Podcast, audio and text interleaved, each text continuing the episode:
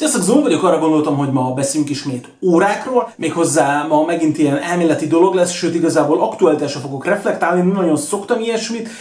talán azt hiszem a Baselworld 2019-en kívül nem is nagyon volt ilyen videó, ahol aktualitásra reflektálok, viszont most úgy érzem, hogy muszáj. Sikerült összefüggést találni az egyik korábbi nagyon jó nevű Submariner hamisító és a Zsinau között.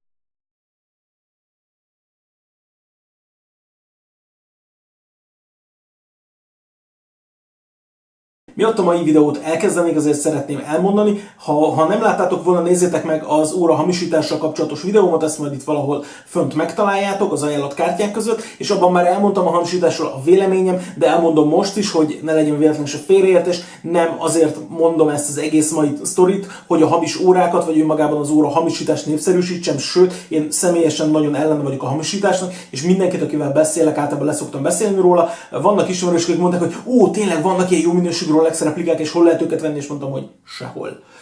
Úgyhogy én általában nem szoktam az ilyeneket kiadni, bár tudnék mondani ilyen remek fórum neveket, de nem fogok senkinek ilyesmit ajánlani, és nektek sem ajánlok semmi ilyesmit, úgyhogy ebben a szellemben hallgassátok majd a mostani videót, meg az egész sztorit, amit most szeretnék elmondani. Létezik a Zsenó nevű márka, aki, ami eléggé franciásan hangzik, de az ő marketingük szerint ők egy amerikai óragyártó, és hát, hogy kézzel készül minden egyes órájuk Amerikában, ezt hirdetik, egészen jó áron, és a legtöbb jó nevű youtubernél lehetett vele találkozni, a Ben Arthurnál,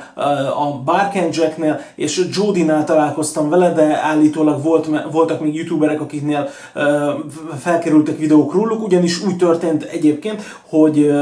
kaptak ingyen órákat tesztelésre, és nyilván ezek maradhattak is a youtubereknél, nyilván nekik ez így mind a két oldalnak általában megéri ez a dolog, és egész jó review-kat adtak róla, nem azért, mert ingyen órát kaptak, hanem mert állítólag tényleg nagyon jó volt a minőségük. Viszont két nappal ezelőtt kikerült egy egészen érdekes oknyomozó, nagyon-nagyon-nagyon hosszú cikk, ami hát nem tudom, valamilyen több mint 15-20 oldal, az egész Zsenóval kapcsolatban, és kiderült az, amiről már korábban suttogtak, tehát évek óta lehetett fórumokon olvasni, sőt egyébként vannak, akik a, a teljes omázs óra gyártás mögött valami hasonló sejtenek, de bizonyítékok nincsenek rá, most az első alkalom, hogy van ilyen. Sikerült összefüggést találni az egyik korábbi nagyon jó nevű uh, Rolex uh, Submariner hamisító és a Zsinau között. Voltak erre utaló nyomok már korábban, de azok általában mindenféle órás fórumokon el lettek hallgattatva, el lettek némítva, és mindig azt mondták, hogy ó, ez csak flémvár. És egyébként az a hely, helyzet, hogy amikor valaki szídja úgy általában az omázsokat, én itt csak arra gondolok, hogy hát itt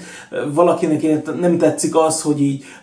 a Submarinerből csinálnak valami klónt, vagy valami teljesen más saját logóval, saját gyártása, saját mindennel, Viszont itt nem erről van szó, hanem arról, hogy úgy tűnik, hogy valaki teljesen szándékoltan azt csinálta, hogy elkezdtek Rolexeket hamisítani, majd az ebből befolyó pénzt megpróbálták mondjuk valamilyen módon tisztára mosni, és csinálni belőle egy saját brandet, és ez alatt árulni a dolgokat, és bárhogy nézem, ez egyébként ciki. Az idővonal 2010-ben indul, ahol egy Charles Zsinó nevű ember az egyik replikaórás fórumon létrehoz magának egy fiókot, majd feltesz oda néhány kérdést, kérdést, meg különböző ilyen megbeszélésekben részt vesz, összesen 19 poszt képződik tőle, egy, nagyjából egy évig aktív, majd teljesen eltűnik, és 5 év múlva kerül ismét elő, és innen ez az 5 éves hallgatás az, ami az egész sztorit számomra nagyon furcsává teszi, meg az egybevágása majd a megjelenéssel, de erről majd mindjárt egy kicsit uh, később. Az első kérdése 2010 decemberében pedig az, hogy az omázsoknak az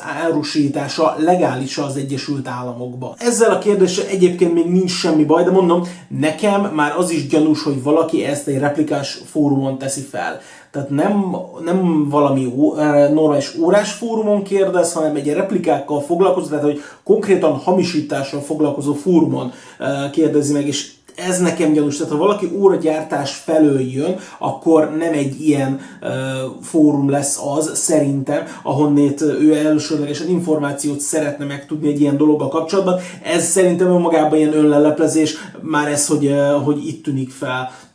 Elárul magáról dolgokat, korábbi másik posztokban például elárulja magáról, hogy beszél kínaiul,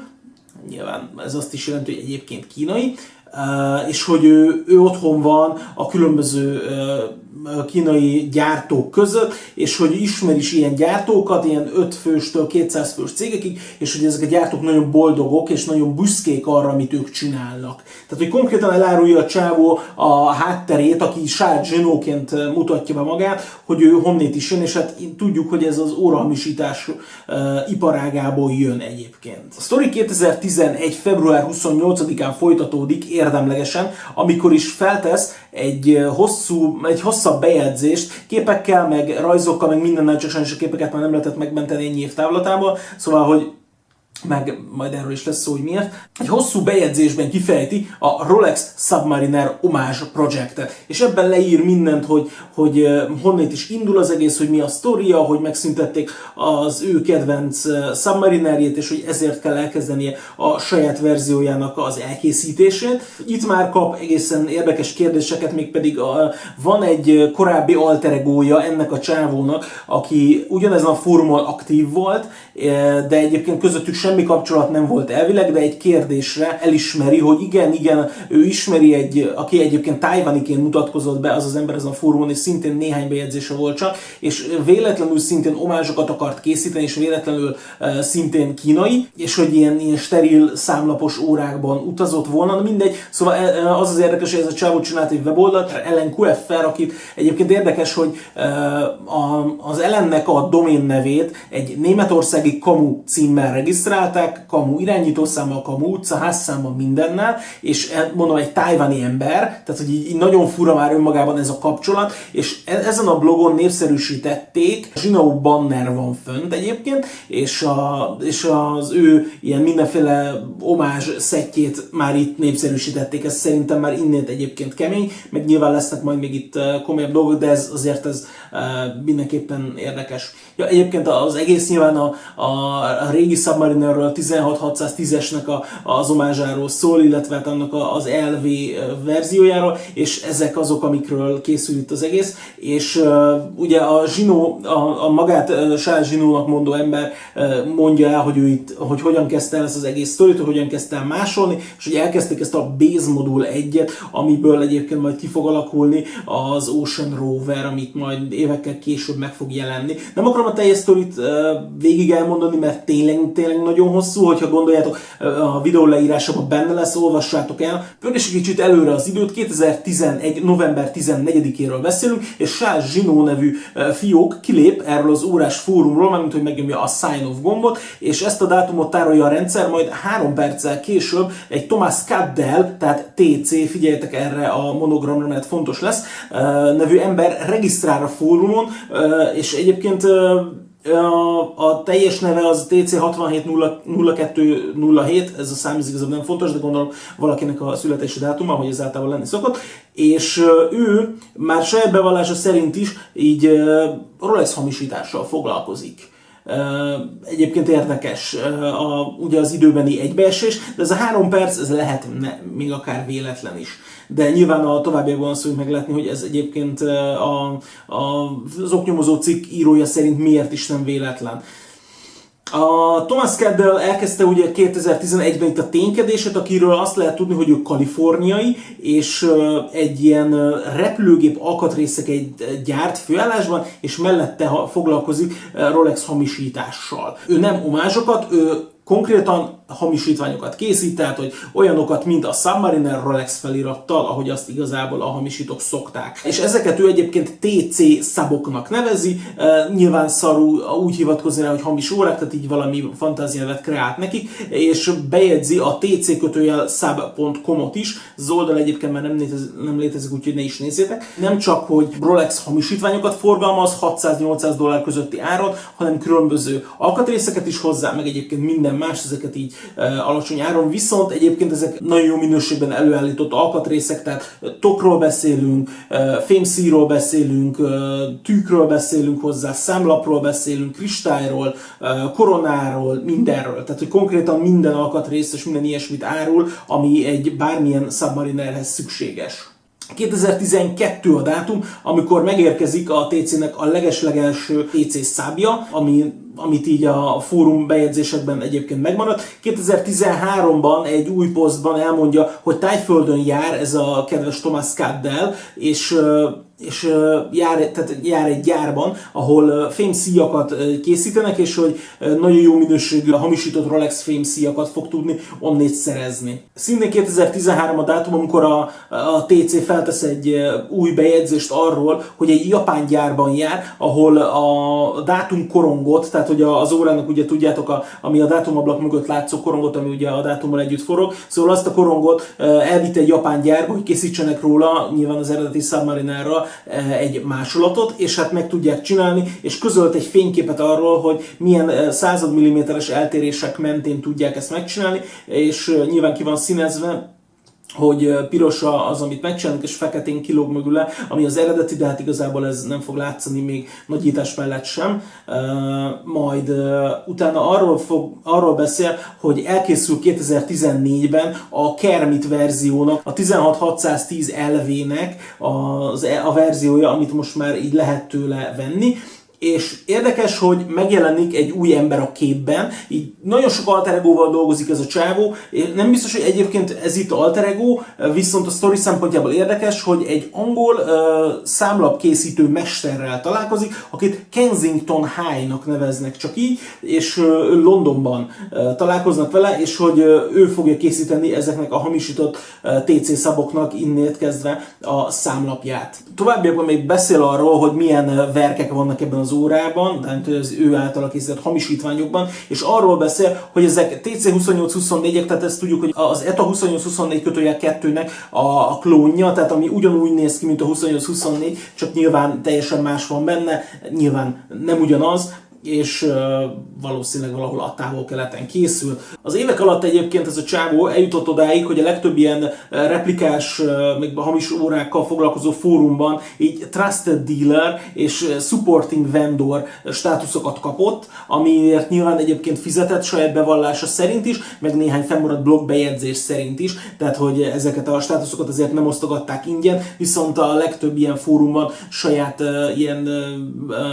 alcím, vagy al, al témák voltak, amik csak az ő óráival foglalkoztak, és voltak olyan uh, fórum részek, ahol több mint 200 ember szólt hozzá, és tett föl képet az általuk készített uh, TC szabokról, amik nekik voltak, tehát uh, hogy önmagában, hogy mennyi, mekkora mennyiségről beszélünk, tehát hogy ezres nagyságrendben készültek egyébként ezek a hamisított órák. És úgy tűnik, hogy elég jól szervezettek is voltak, ugyanis az egyik levélrészletből bemásolva kiderül, hogy Amerikában tudják szállítani, Angliában is tudják szállítani, tehát teljes Európai Unión belül, és távol-keleten is tudnak szállítani, nyilván vannak olyan részek, ahol, ahol kiesnek, de hogy ezeken a területeken tudják szállítani, és akkor nyilván ki lehet kerülni a vámot, meg minden ilyesmi, úgyhogy egészen jól lefedett nemzetközi hálózata volt itt a, a TC-knek, amit nekik uh, sikerült létrehozni. 2016. augusztusa az, amikor megjelenik a V7, vagyis hát hogy a hetedik verziója a TC szaboknak, ez a legközelebbi Submariner, amit valaha láttunk, konkrétan nagyon-nagyon jól néz ki, nagyon-nagyon hasonlít rá,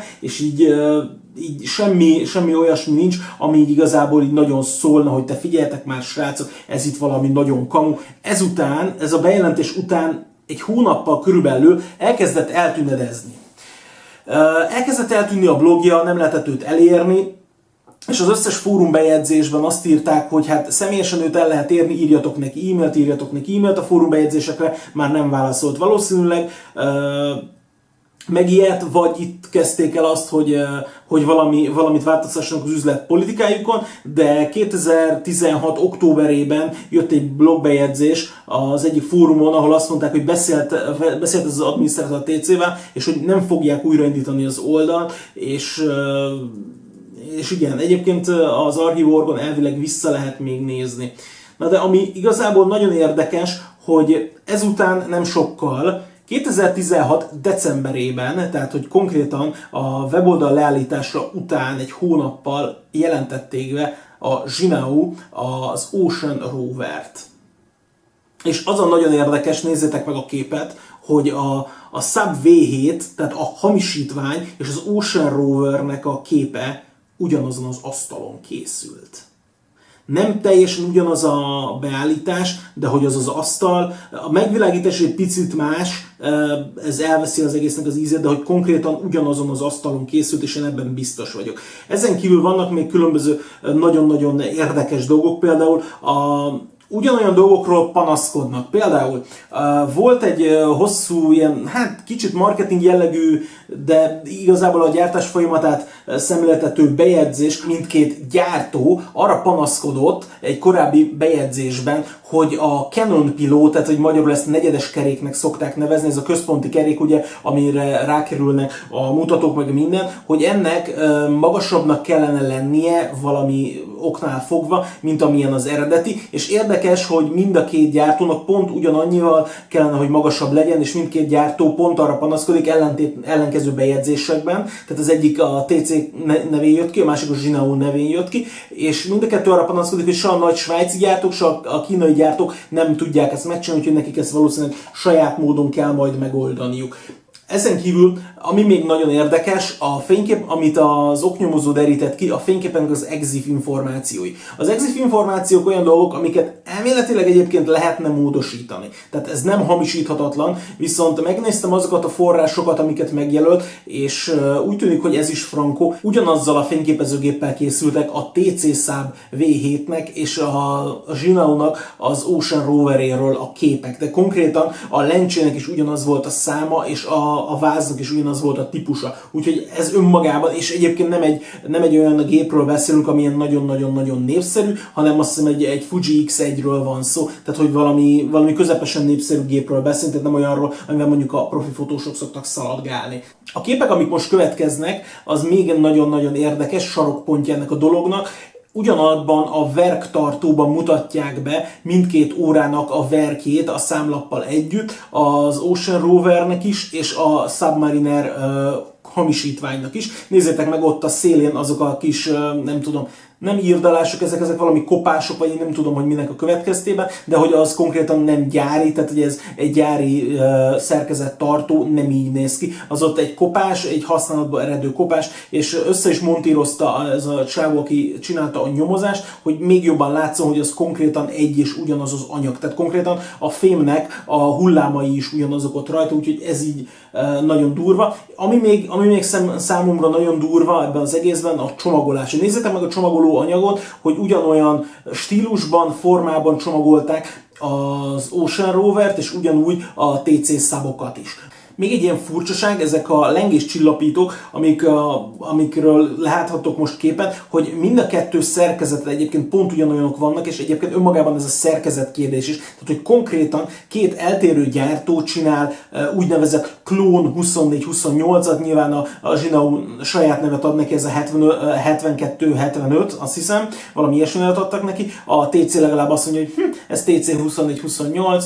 kenjétek a hajatokra, mindegy. Szóval ők saját nevet adnak neki, de ez a két verk ugyanúgy néz ki, ugyanazt csinálja, és elvileg mindkettő saját in-house. Tehát, hogy így én, önmagában mondom, ez, ez vérforraló szerintem. És Persze erre most sokan azt fogják mondani, hogy ezért nem veszünk homásokat, mert az összes homást uh, hamisítók csinálják, és egyébként uh, gondolom, tehát biztos vagyok benne, hogy vannak még olyan omásgyártók, akik hasonló forrásból szerezik be a dolgaikat, de én azért szeretnék bízni abban, hogy egy csomó-csomó omás olyan, ami egyébként normális forrásból eh, érkezik, és eh, nem ilyen fekete piacról, vagy szürke piacról, vagy ilyen nagyon, nagyon sötét zónából szerez be a dolgokat, ami konkrétan ők minőséget akarnak gyártani, és minőséget is gyártanak, és nem csak az van, hogy ma saját logóval dobjuk ki az órákat, holnap meg Rolex-el. Például egyébként érdekes, hogy a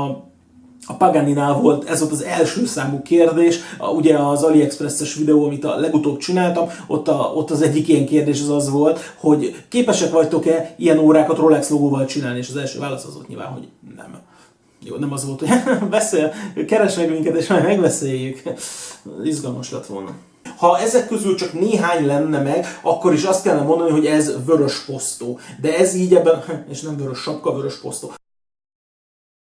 Szóval, hogy ezek mind-mind-mind olyan nagyon-nagyon-nagyon erős jelzésnek kéne lennie, hogy itt valami nem stimmel. És ez azért ciki egyébként, mert a, A Zsinaóra sokan úgy gondolták, hogy jó, hát jó minőséget gyártanak, meg tényleg, tehát hogy kikezdhetetlen, hogy nagyon jó, hogy ezt ilyen áron lehet csinálni, és hogy amerikai a cég és minden, de hogy konkrétan büntető törvénykönyv szerinti és nemzetközi jog szerinti tényállásokat valósít meg, amennyiben ez az egész dolog igaz. Például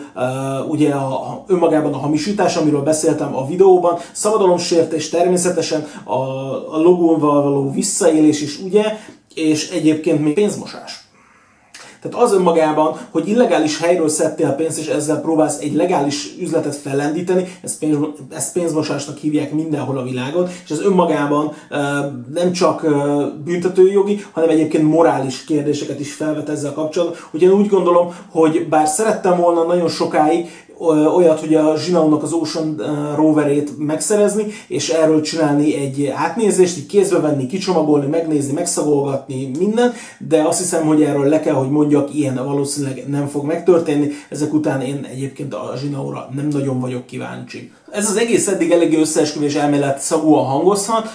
mert nyilván csak egy másodlagos információkról volt eddig szó, olyanról, ami mondjuk az óra kedvelőket érdekelheti, és kevésbé olyan, ami mondjuk kézzelfogható akár nyomozóhatóságok számára is, viszont ilyenek is vannak mégpedig. Ugye az egésznek az a sztoria, hogy létezik valahol egy Sár Zsinó, aki az egész mögött áll, mint órás mester, mint aki az egészet kitalálta. Utána ment az oknyomozó ezeknek a cégbírósági adatoknak, meg a védjegyoltalmi adatoknak is, és úgy tűnik, hogy a védjegyoltalmi adatokban a Zsinó márkanevet bejegyző Zsinó LLC-nél az aláíró egy Chung eh,